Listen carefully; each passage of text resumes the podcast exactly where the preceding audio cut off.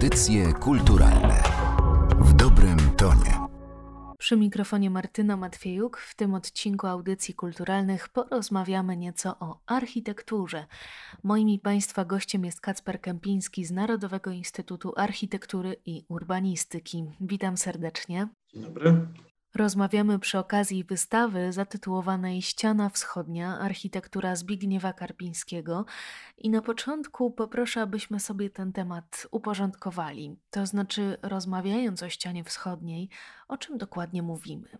Ściana wschodnia to tak naprawdę duży obszar centrum Warszawy, położony między Alejami Jerozolimskimi, ulicą Świętokrzyską, wzdłuż ulicy Marszałkowskiej i mowa o ścianie wschodniej właśnie ulicy Marszałkowskiej. Czyli mówimy o kompleksie budynków, na które się składają domy towarowe centrum, kino Relax, e, dawny Sezam, dzisiejsze centrum Marszałkowska, trzy wieżowce mieszkalne, Zodiak, Rotunda, Uniwersal, czyli tak naprawdę bardzo duży kompleks budynków, uzupełniony jeszcze przez pasaż i przez bloki mieszkalne w tej części bliżej ulicy Chmielnej czy Widok.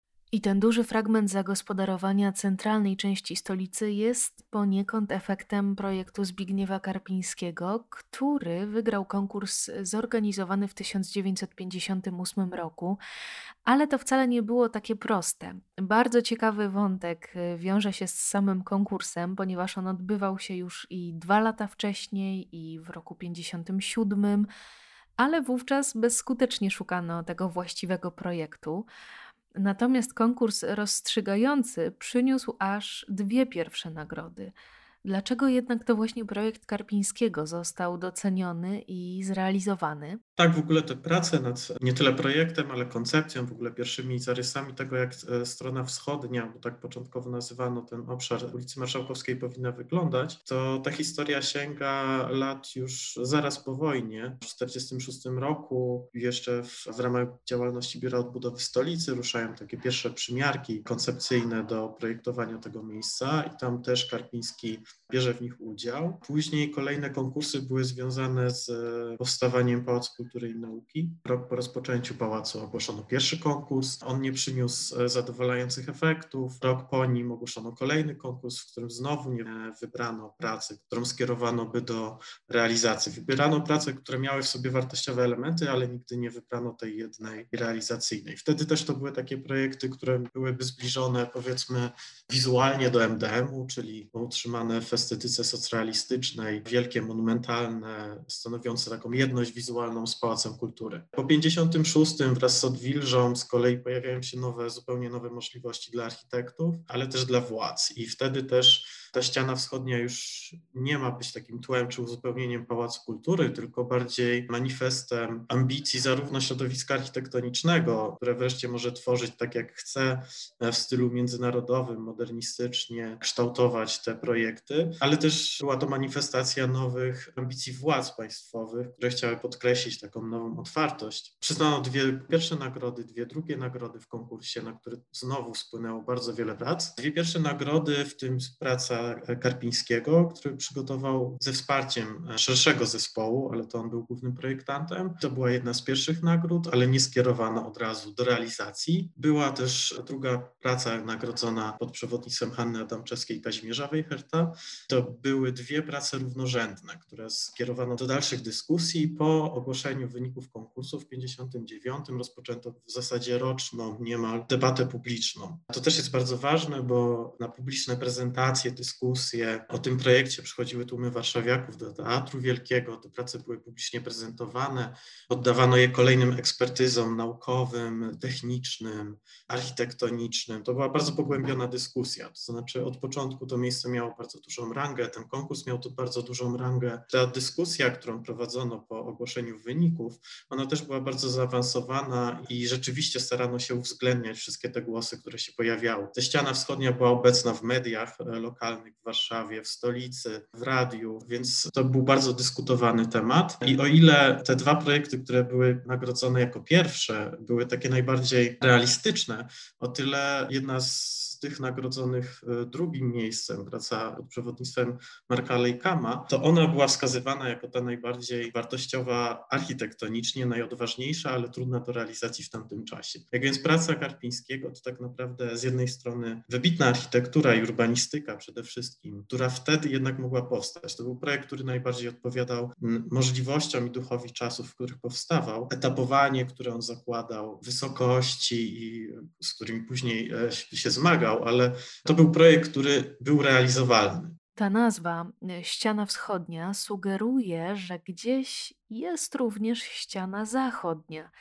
I zdaje się, że taki projekt również powstawał, prawda? Tak, to był szereg projektów, które obejmowały w zasadzie cały ten teren z dworcem centralnym i z szczątkową realizacją w postaci wieżowca Elim, czyli lotu i Mariotu i, i całego tego kompleksu wokół. Natomiast ściana zachodnia nigdy nie powstała w takiej formie jak ściana wschodnia. Później były też projekty na sam Plac de Filat, był projekt chociażby Damińskiego na ten te, teren i te projekty na Plac de Filat, na zagospodarowanie go z lat 90., korona wokół Pałacu Kultury i tak dalej, i tak dalej, więc tych projektów było bardzo dużo. Natomiast rzeczywiście ściana wschodnia została e, jako jedyna z tych dużych projektów urbanistycznych zrealizowana, chociaż też nie w całości. To wróćmy do naszej głównej bohaterki, do ściany wschodniej i skoncentrujmy się na jej cechach. Jakie szczególne rozwiązania architektoniczne proponował ten ostateczny projekt e, z lat 60.? To, co Karpiński chciał zawrzeć w tym projekcie, który musiał zmieścić bardzo wiele funkcji, bardzo duże kubatury, e, dużo przestrzeni, przede wszystkim handlowej tak naprawdę, to zapewnienie jednak skali ludzkiej temu dużemu założeniu. Ta estetyka modernistyczna, ona była wówczas obowiązująca, więc z nią za bardzo nie dyskutowano. Ona została przyjęta też jako jeden z pierwszych takich podwilżowych realizacji.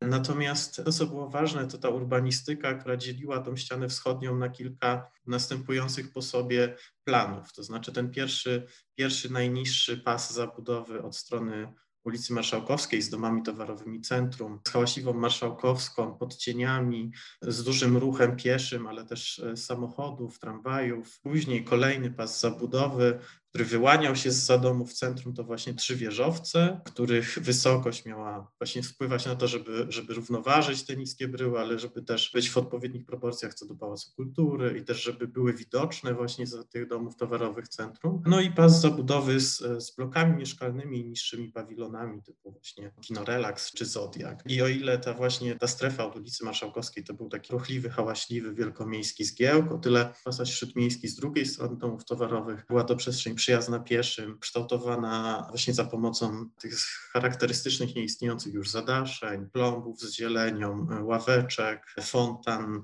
To była właśnie taka przestrzeń do spędzania czasu, a nie do przechodzenia przez nią. I ona też była buforem między tym wielkomiejskim hałasem, a strefą mieszkalną bloków w drugiej linii czy w trzeciej linii zabudowy e, ściany wschodniej. Tam też rozdzielono ruch całkowicie, to znaczy pasaż e, śródmiejski był dostępny jedynie dla pieszych. Wszystkie dostawy, ruch samochodowy, samochodowy odbywał się w podziemiach z tych ulic poprzecznych, czyli widok Mielnej, Zgody i tak dalej. Więc w takich głównych założeniach to była ta wieloplanowość i też jak stoimy, idziemy pasażem śródmiejskim od strony rotundy, to też widzimy, że te wieżowce trzy nie są w jednej linii, one są przesunięte delikatnie każdy względem siebie i one też odsłaniają tą wieloplanowość, więc zawsze widzimy w jakim kierunku idziemy. To jest bardzo jasne. Rotunda też była punktem orientacyjnym, ale był nim też sezam. Z dwóch stron mieliśmy dwa istotne place. To, co nie zostało zrealizowane, a co miało z kolei dopełniać takiej skali tego założenia i też równoważyć ją z Pałacem Kultury, o ile na przykład mówi się, że te wieżowce mieszkalne miały jakoś wpływać na postrzeganie skali Pałacu Kultury,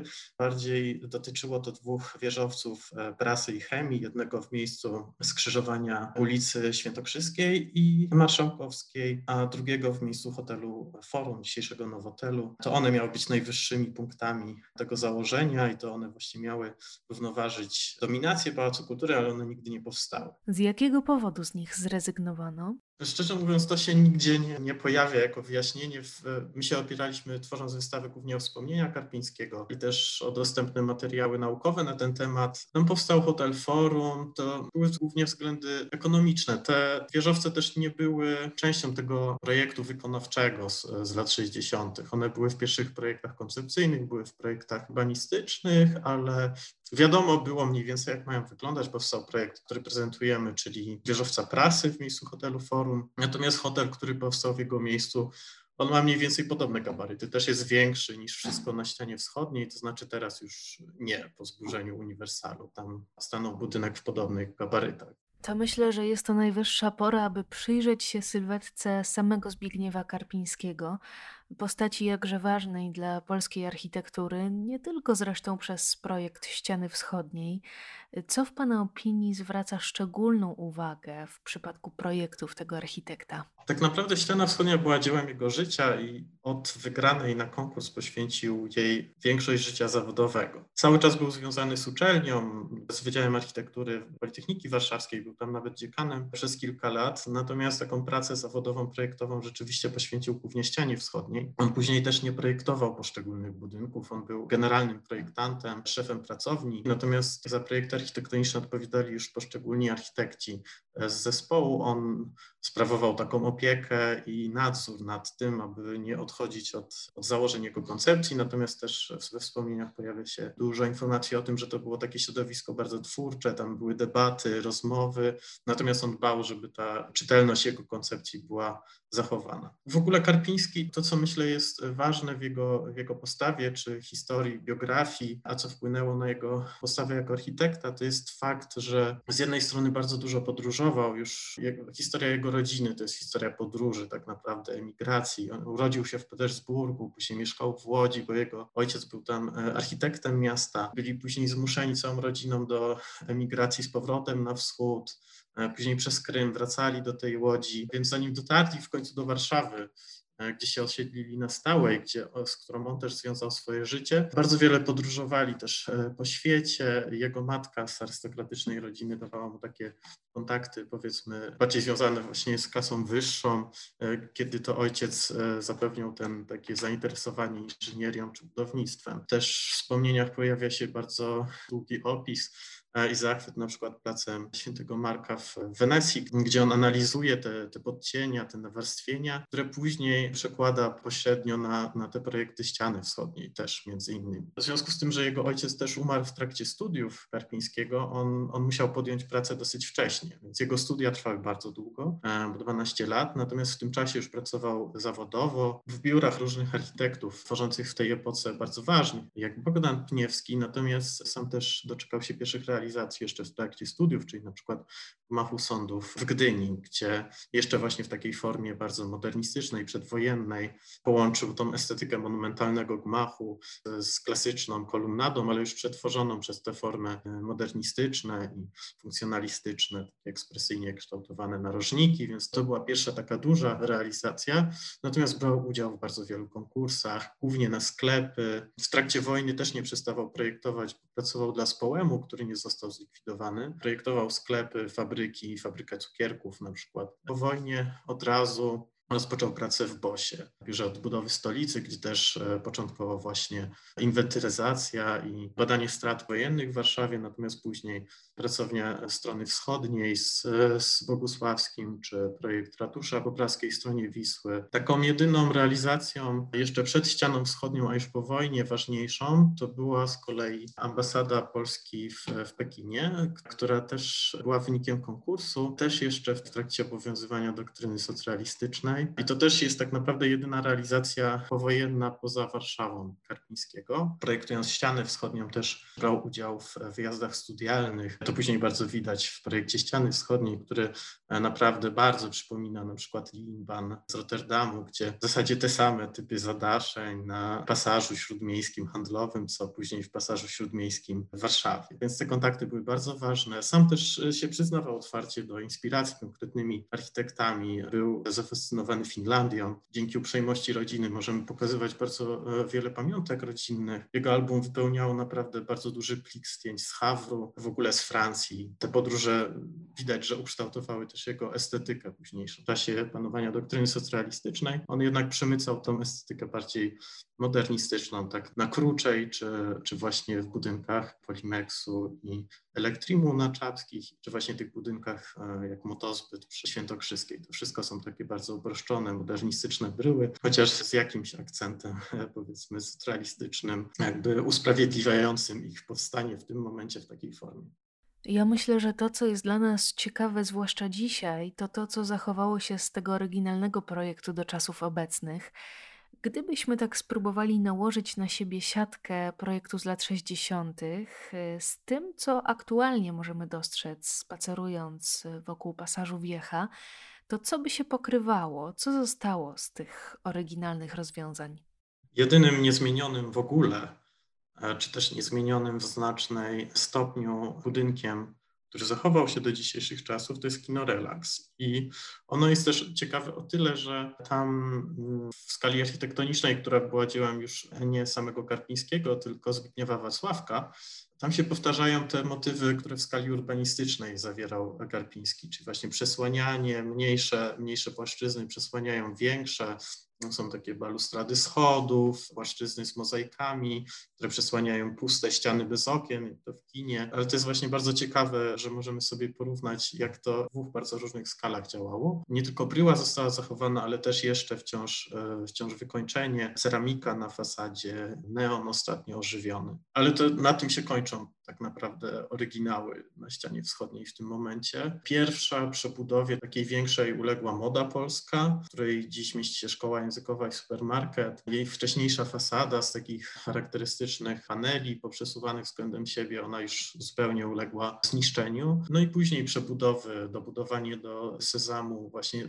od tej jego najciekawszej strony z tarasami McDonalda, przebudowa domów towarowych centrum, które straciły tą swoją taką przezierność i i formę rozświetlonych lampionów na tle właśnie tego ciemnego placu defilat, na rzecz zasłoniętych okien i banerów reklamowych. Też nadbudowano je o piętro biurowe. Wieżowce, które może swoją formę i kształt e, mają zachowaną, natomiast już nie rozwiązania architektoniczne, nie taką artykulację fasady z bardzo wyraźnymi biało-czarnymi pasami. One teraz trochę wypłowiały w tej nowej takiej szacie szaro-szarej. Straciły bardzo dużo ceramiki i mozaik, które były w wykończeniu parterów, pierwszych pięter. No i przede wszystkim te budynki, które całkiem zniknęły z mapy, czyli jako pierwszy Sezam, Universal i Rotunda, które zostały zastąpione albo dosyć dyskusyjnymi kopiami, znaczy też nie kopiami, ale bardziej reinterpretacjami tego, co wcześniej, czyli Rotunda, czy całkowicie nowymi budynkami odwołującymi się tylko bardzo pośrednio przez Neon, Centrum Marszałkowska, czyli dawny Sezam, czy Wieżowiec, który zupełnie zaburza proporcje, które,